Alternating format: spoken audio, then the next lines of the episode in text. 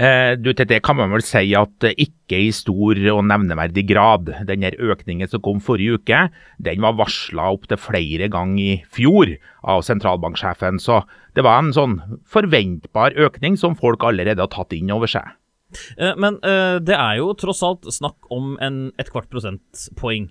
Men dette her er jo en det, det er jo ikke svære greiene, men det er jo da ledd i en langsiktig plan om å få det enda høyere. Hva vil det si for, for de som er boligeiere? Ja, Det er riktig, fordi at eh, 0,25 punkter er lite på boliglånet ditt. Eh, Har du to millioner i boliglån, så utgjør det sånn røftlig rett under 200 kroner i måneden. Og det drar ikke inn mye kjøpekraft til husholdningen. Men eh, nå er det på et halvt år eh, økt renta to ganger. Og det er varsel om en rentebane fram i tid som skal fortsatt være en økning.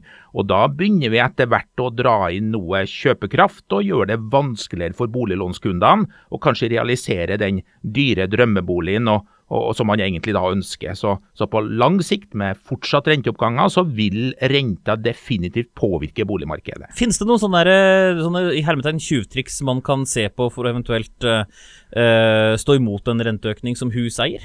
Ja, det er du kan begynne med å kanskje reise til Syden én gang i året for å være litt flåsete. Altså Begynn allerede nå å spare. Det kan jo være et eh, poeng. Og planlegg litt når du kjøper. Det er fullt mulig å kjøpe boliger som du kan få litt hjelp til boliglånet ditt. Da tenker jeg på utleiemulighet. Eh, Det kan òg være et, eh, et tema. Men, men, men husk, altså på, på ti år så har det nesten ikke vært renteøkning. Så, så, så det er helt normalt det som skjer, og bankene tar høyde for det når de gir deg boliglån. Det er det vi rekker i dagens eh, boligspalte. Det var Gøran Flakk fra DNB Eiendom, daglig leder til og med. Tusen takk for at du kunne komme i studio.